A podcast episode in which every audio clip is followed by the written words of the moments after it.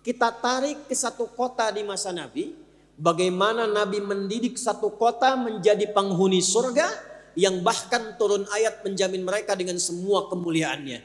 Saya tanya sebentar ya. Bapak Ibu sekalian, Nabi itu hijrahnya dari Mekah ke mana? Madinah. Bukan. Ah, Nabi tidak hijrah dari Mekah ke Madinah. Hijrahnya Nabi itu dari Mekah ke Yathrib. Dan kenapa yang dipilih Yathrib? Padahal di sampingnya ada Taif yang sudah maju. Tapi Nabi ikhtiar berangkat ke Taif malah dilempari. Nanti jangan dilihat lemparannya, tapi dilihat hikmah Allah memindahkan Rasulullah dari Taif ke tempat yang tidak ideal untuk memberi contoh bagaimana menatanya. Dulu Madinah namanya Yathrib. Yathrib itu kalau diruntut nasabnya itu salah satu nama dari umat Nabi Nuh alaihissalam yang ikut masuk ke kapalnya Nabi Nuh berlayar selama setahun sepuluh hari. Namanya Yathrib bin Mihlail. Dari Nabi Nuh ke Nabi Muhammad sallallahu alaihi wasallam itu kurang lebih ada kita temukan 37 sampai 39 urutan nasab. Nabi Muhammad sallallahu alaihi wasallam bin Abdullah bin Abdul Muttalib bin Hashim bin Abdul Manaf bin Qusay bin Murrah bin Kilab bin Ka'ab bin Ghalib bin Fihir bin Malik bin Nadar bin Kinanah bin Khuzaimah bin Mudrika bin Ilyas bin Nizar bin Mudar bin Ma'ad bin Adnan bin Adri bin Adri bin Muqawwam bin Nahur bin Tarikh bin Ya'rub bin Yasjub bin Nabit bin Ismail alaihi salam bin Ibrahim alaihi salam bin Azar atau bin Nahur bin Abir bin Kinan bin Arfakhshad bin Sam bin Nuh alaihi salam. Eh coba ulangi. Hah? Nah di masa Nabi Nuh terjadi banjir besar karena umatnya memberontak Nabi, menantang azab, diturunkan. Maka masuk semua ke kapal di antara yang ikut itu ada namanya Yathrib bin Mihlil. Ketika banjirnya reda, kemudian mulai menyebar umatnya Nabi Nuh alaihissalam, yang Yathrib ini menyebar, datanglah ke satu tempat, jaraknya kurang lebih 400 km dari kota Mekah al-Mukarramah. Maka siapa yang duluan ada ke tempat itu dinamailah dengan nama orangnya. Maka tempat itu disebut dengan Yathrib namanya. Jadi saya ingin katakan Yathrib ini sudah lama, 37 generasi sebelum kelahiran Nabi sudah ada tempatnya, sudah ada kemudian penduduk awalnya. Secara singkat, sebelum kedatangan Nabi, tempatnya bukan kota, Pak. Tidak ideal, Bu. Maaf, pasarnya rusak. Yang menguasai Yahudi, harga suka-suka, kecurangan paling banyak, sampai viral. Dulu sudah ada viral. Cuman belum ada like, share, and komen. Komen sudah ada, subscribe yang tidak ada. Yang komen banyak, sampai nanti akan ada turun satu ayat dalam Al-Quran dan nanti kita akan bahas itu insya Allah. Jadi pasarnya rusak. Yang kedua, kotial tinggi. Pertengkaran itu banyak. Ada dua suku besar, namanya Aus dengan Khazraj. Itu kalau ada di Aus yang luka, di Khazraj mesti luka. Kalau ada yang meninggal, satu suku lain mesti ada yang tewas. Jalanan tak tertata. Sosial konflik tinggi. Anda bayangkan, Nabi Muhammad wasallam diperintahkan oleh Allah hijrahnya ke tempat yang belum ideal. Untuk memberi contoh nanti di masa datang dan nanti kurikulumnya oleh Imam Muslim ditempatkan dalam kitab sahih beliau dengan nama Kitabul Imarah, bab tentang tata kota. Itu sebabnya kenapa dipilih Yathrib supaya nanti punya kurikulum kalau ingin menata kota yang tidak ideal, ekonominya belum tumbuh, konflik sosialnya tinggi, politiknya tidak dinamis, maka bagaimana menyusun ini supaya tenang, bagus dan makmur? Lihat apa yang dicontohkan Nabi dalam kurikulum ini. Bapak dan Ibu sekalian, apa yang pertama Nabi lakukan saat diperintahkan oleh Allah berangkat ke Yathrib itu? Maka beliau mengumpulkan teman-teman terbaiknya. Dan itu menariknya, Itu di semua bidang profesional semua. Dan semua lengkap. Orang-orangnya adalah orang terbaik untuk menata satu tempat menjadi suasana yang berkah dan makmur. Contoh, di bidang ekonomi ada Abu Bakar As-Siddiq, ada Uthman bin Affan, ada Abdurrahman bin Auf. Kenal Abu Bakar As-Siddiq? Ayo bilang kenal, saya pulang. kenal di mana? Orang Sukabumi warganya Pak Wali kenal Abu Bakar tuh. Bidang ekonomi. Makanya nanti ketika berangkat, itu satu di antara mereka seperti Abdurrahman bin Auf, nanti kita akan belajar. Dari mulai modal pakaian saja, cuman dalam waktu yang singkat jadi orang paling kaya yang berada di kota Madinah. Kita nanti akan belajar hukumnya. Umar bin Khattab, Khalid bin Walid yang kelak kemudian, Abu Ubaidah bin Al-Jarrah di bidang militer, ada yang pakar di bidang kamtibmas, memahami mitigasi struktur sosial masyarakatnya. Ada yang pakar di bidang militer tentang pertahanan dan ketahanan. Diplomat. Ada Amr bin As radhiyallahu taala Nanti Amr ini yang kelak sepeninggal Nabi akan melakukan ekspedisi ke Afrika Utara. Beliau cuma jalan dengan satu rombongan plus tukang cukurnya Nabi Sallallahu Alaihi Wasallam. Mulainya dari Mesir, ke Libya, Tunisia, Aljazair, Maroko, sampai nyebrang kemudian ke Syams. Yang dilewati tadi Afrika Utara, kawak menjadi provinsi di masa emas Islam. Provinsi, gubernurnya namanya Musa bin Nusair, panglima namanya Torik bin Ziyad. Inilah yang membuka Andalusia, Iberia, Spanyol dan Portugal sekarang punya peradaban tujuh abad, 700 tahun. Cuman satu orang, Sa'ad bin Abi Waqqas ikut ekspedisi ke timur jauh ke Cina, mampir di Baros, 400 km dari kota Medan. Cuman mampir Nusantara jadi maju dan muslim. Semua tempat yang dilalui hebat semua. Maka yang pertama yang mesti dilakukan apa? Seorang figur yang ingin menata kotaknya, dia mesti memilih tim terbaik yang pakar dan profesional di bidangnya dan kemudian bersinergi. Maka setelah kompak tim ini dikenal dengan tim As-Sabiqun Al-Awwalun. Ada yang menyebut dalam sejarah tim 8, ada yang menyebut tim 9 karena Sayyidah Khadijah wafat mendahului radhiyallahu taala anha. Berangkat Nabi dibimbing oleh Allah melakukan tiga hal saja. Tiga ini yang coba kita akan turunkan insya Allah. Pertama, saat datang ke Yathrib itu yang beliau lakukan dibimbing oleh Allah Subhanahu wa taala akha baina ahla Yathrib wa khasatal muhajirin wal ansar. Beliau persaudarakan dulu semua penduduk Yathrib. Jadikan saudara. Sebab kalau sudah jadi saudara, itu pasti ada rasa saling menyayangi. Dan itu tidak pandang orang, tak pandang wajah, tak pandang kedudukan. Siapa pun yang ada di Yathrib semua persaudarakan. Baik itu pribumi ataupun pendatang. Masya Allah. Jadi yang tadinya ada konflik Aus dengan Khazrat dipanggil oleh Nabi. Mau sampai kapan konflik begini? Kalau konflik apakah kotanya akan maju? Bukankah kita menginginkan kehidupan yang tentram? Kenapa nggak saling sinergi, saling berbagi? Semua berpikir akhirnya berdamai setelah 600 tahun. Nanti persaudarakan. Gimana konsepnya? Misal, perhatikan indahnya Nabi ketika mempersaudarakan. Tidak pernah Nabi mempersaudarakan kecuali kedua yang dipasangkan itu saling melengkapi. Contoh, yang kekurangan dipasangkan dengan yang berlebih. Yang butuh minuman disampaikan dengan yang punya kelebihan.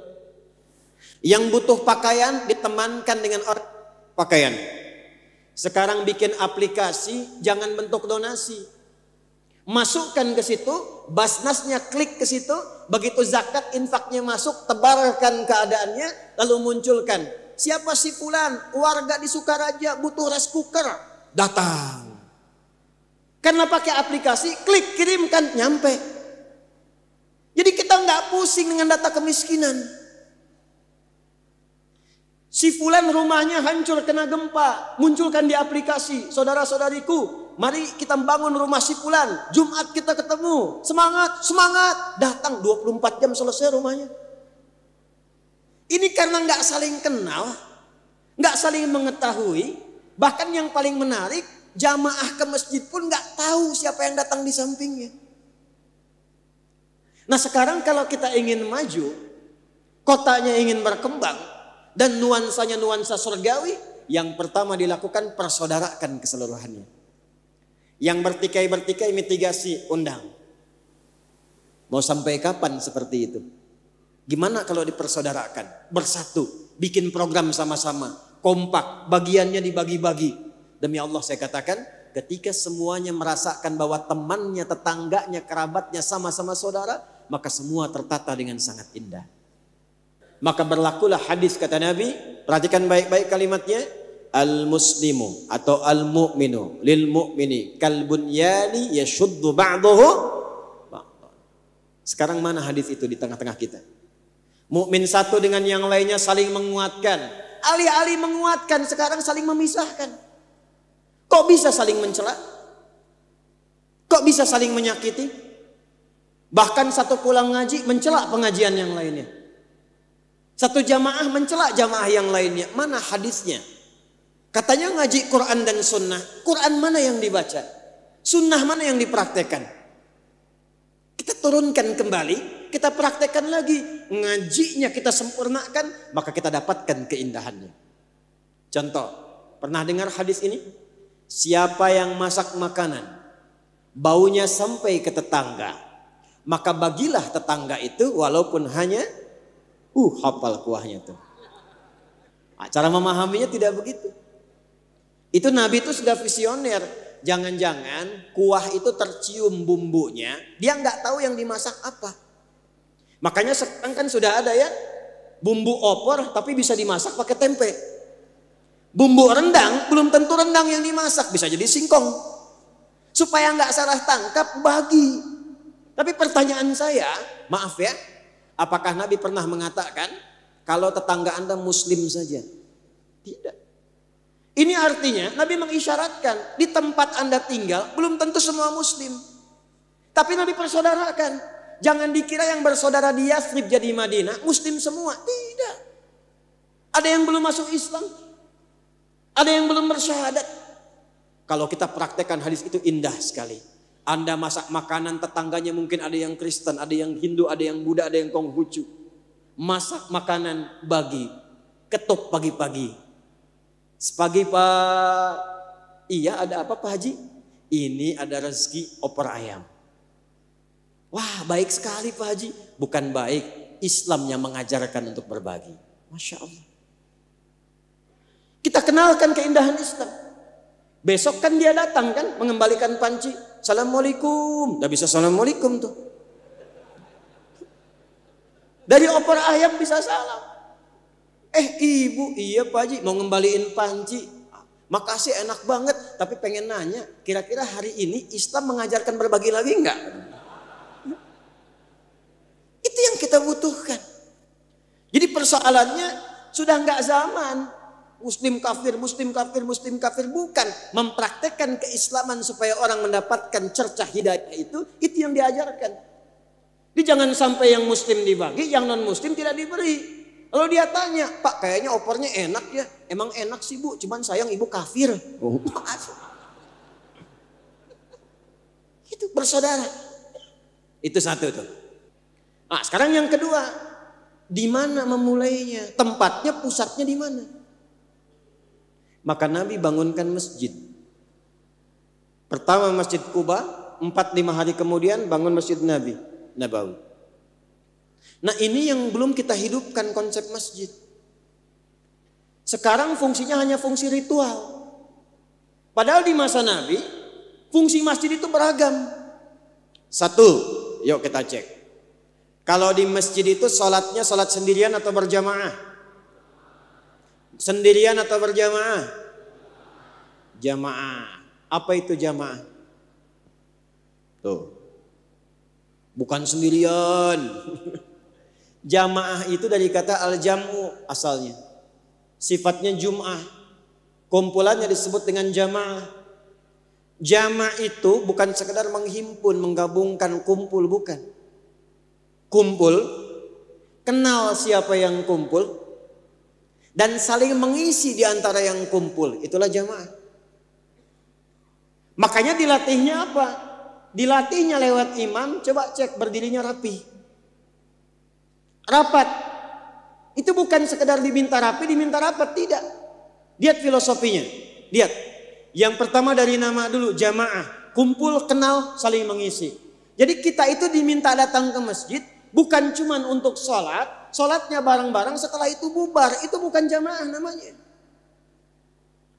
Kita kenalan siapa yang ke masjid. Sampai kita tahu ini sab dia nih biasa ngincar kanan pojok. Yang ini kiri pojok, yang ini depan tengah. Sampai ngerti Nabi tidak pernah beliau ada di masjid kecuali tahu siapa yang sholat di masjid.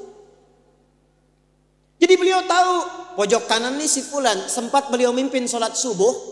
Seorang jamaah yang biasa di pojok kanan terlambat datang. Kata Nabi kita tunggu nih. Ada si fulan yang biasa di pojok kanan dia belum datang.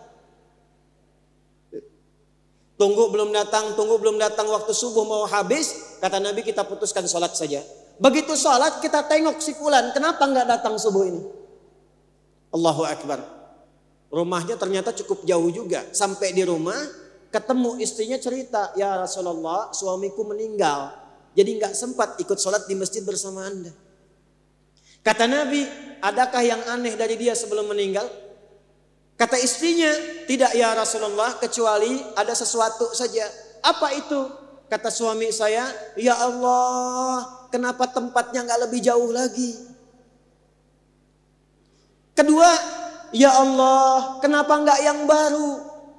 Nabi tersenyum kemudian berkata, tahukah engkau apa yang terjadi? Aukamakala Rasulullah SAW. Kata perempuan itu tidak ya Rasulullah.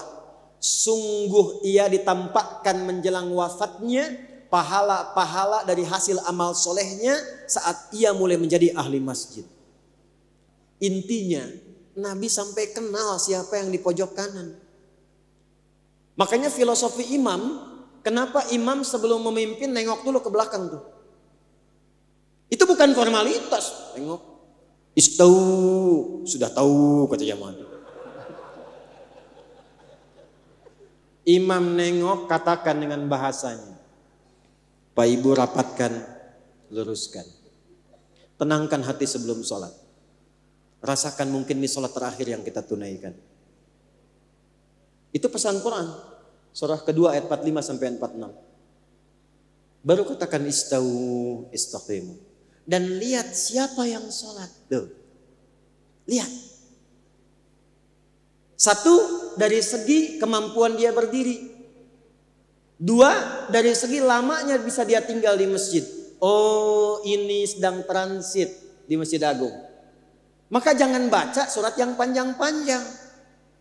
Ning imamin udah mau pulang, nunggu bis pulang, mampir ke sini sholat di imamin pakai al-baqarah, ketinggalan bis dia.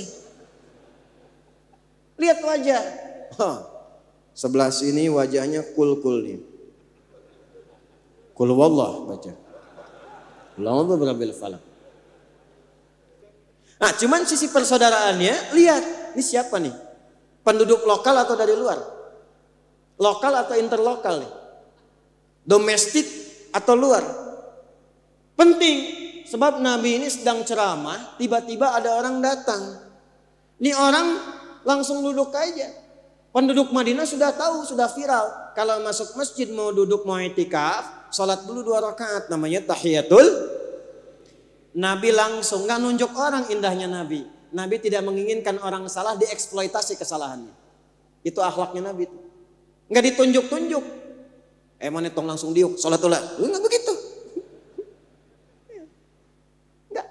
Di muka umum. Dan ini akhlak Quran. Maka Nabi menyampaikan secara umum lihat kalimatnya. Idza dakhala ahadakumul masjida fala yajlisa hatta yusalli rak'atain. Kalau ada satu di antara Anda ingin masuk masjid dan ingin agak lama di masjid, maka jangan langsung duduk tapi sholat dulu dua rakaat. Semua tahu dan indahnya semua bisa baca. Oh si fulan nih, siapa dia? Ternyata hadis itu di madhab maliki, saya ngaji madhab maliki. Saya ngaji madhab syafi'i. Saya ngaji madhab Hanafi, saya ngaji madhab Hambali. Di madhab Maliki diajarkan ternyata namanya Sulek. Tinggalnya bukan di Madinah, tinggalnya dari Gotofan. Sehingga dikenal dengan Sulek al-Gotofani. Dia bukan orang penduduk sini, dia dari luar. Nabi mengatakan, coba lihat ada tamu kita tuh. Perhatikan, dia ke sini butuh apa? Apa yang dia datang penuhi sebelum dia pulang. Makanya nggak ada orang datang ke masjid Nabi kecuali selesai masalahnya. Dan semua berlomba menolong. Datang tamu kata Nabi siapa yang mau jamu tamu kita ini semua angkat tangan. Semua. Kata Nabi si Fulan yang paling duluan silahkan. Padahal di rumah si Fulan itu stok makanan sudah nggak ada, cuman satu piring aja. Itu hebatnya ke rumah Mah, ada tamu nih. Dan istri udah paham, tarbiyah nyampe rumah. Nah ya, kang anak tamu kabumi kan tas terang tuh ayah tuangan di dia. Nggak ada tuh kalimat itu. Alhamdulillah pahala nih pak. Biar mamah tidurkan dulu anak-anak. Istrinya menidurkan anaknya, nyiapkan makanan di dapur, lampunya dimatikan, suaminya ngajak tamunya. Maaf nih sedikit penghematan, kita makannya tanpa cahaya. Yang tuan rumah pura-pura bunyikan piringnya. Taktik tuk taktik tuk taktik tuk tamunya makan dengan lahap. Esoknya saat sholat subuh Nabi memuji beliau dan menyampaikan turunnya Quran. Surah 59 ayat 9 sampai 10 itu. Wa yu'thiruna ala anfusihim walau kana bihim khasasa. Masya Allah. Dia bahkan mengistimewakan orang yang datang sebagai tamu sekalipun dia butuh dengan itu. Dapat jaminan kemuliaan langsung dari Quran. Begitulah cara melihatnya. Lihat, kenali. Nah nanti prakteknya bagaimana Pak? Ini yang saya sampaikan di beberapa tempat. Maaf, yang ke masjid kan profesinya beda-beda. Ada yang dokter di sini dokter, dokter. Ada yang pedagang, banyak. Pedagang, pebisnis, yang dokter, yang macam-macam. Apakah semua warga bisa ke rumah sakit? Belum tentu. Nanti di masjid difasilitasi program pekan pertama Jumat. Pak Wali Kota telah membentuk aplikasi mendata dokter-dokter di Sukabumi. Masjid A, Masjid B, Masjid C. Yang nggak bisa ke rumah sakit datang ke masjid itu ya. Dokternya sudah siap. Itulah jamaah. Yang cari peluang kerja ini ada bagian kelas bisnis nih, pengusaha-pengusaha akan ngasih edukasi. Ada lapangan pekerjaan. Silahkan datang ke masjid A, masjid B, masjid C. Begitu caranya. Jadi lingkungan hidup. Saling mengenal. Dua. Yang ketiga, ini bagian terakhir. Nabi membuat kesepakatan secara tertulis yang keseluruhannya komitmen ditaati yang kelak dikenal dengan nama Piagam Madinah. Dan itu adalah embrio lahirnya Piagam Jakarta yang kelak menginspirasi lahirnya Pancasila dan Undang-Undang Dasar 1945. Jadi kita ini bukan negara agama di Indonesia, tapi spirit kebangsaannya dengan spirit agama. Bapak Ibu sekalian duduk semua. Disampaikan aturannya. Madinah, Yasrib menjadi tatanan kota.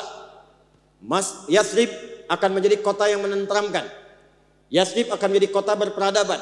Kota yang menginspirasi. Dalam bahasa Arab, kota yang menginspirasi, membentuk peradaban yang memberikan cahaya disebut dengan Madinah Al-Munawwarah. Al-Madinah Al-Munawwarah. Maka sejak saat itu berubahlah namanya dari Yathrib menjadi Al-Madinah Al-Munawwarah.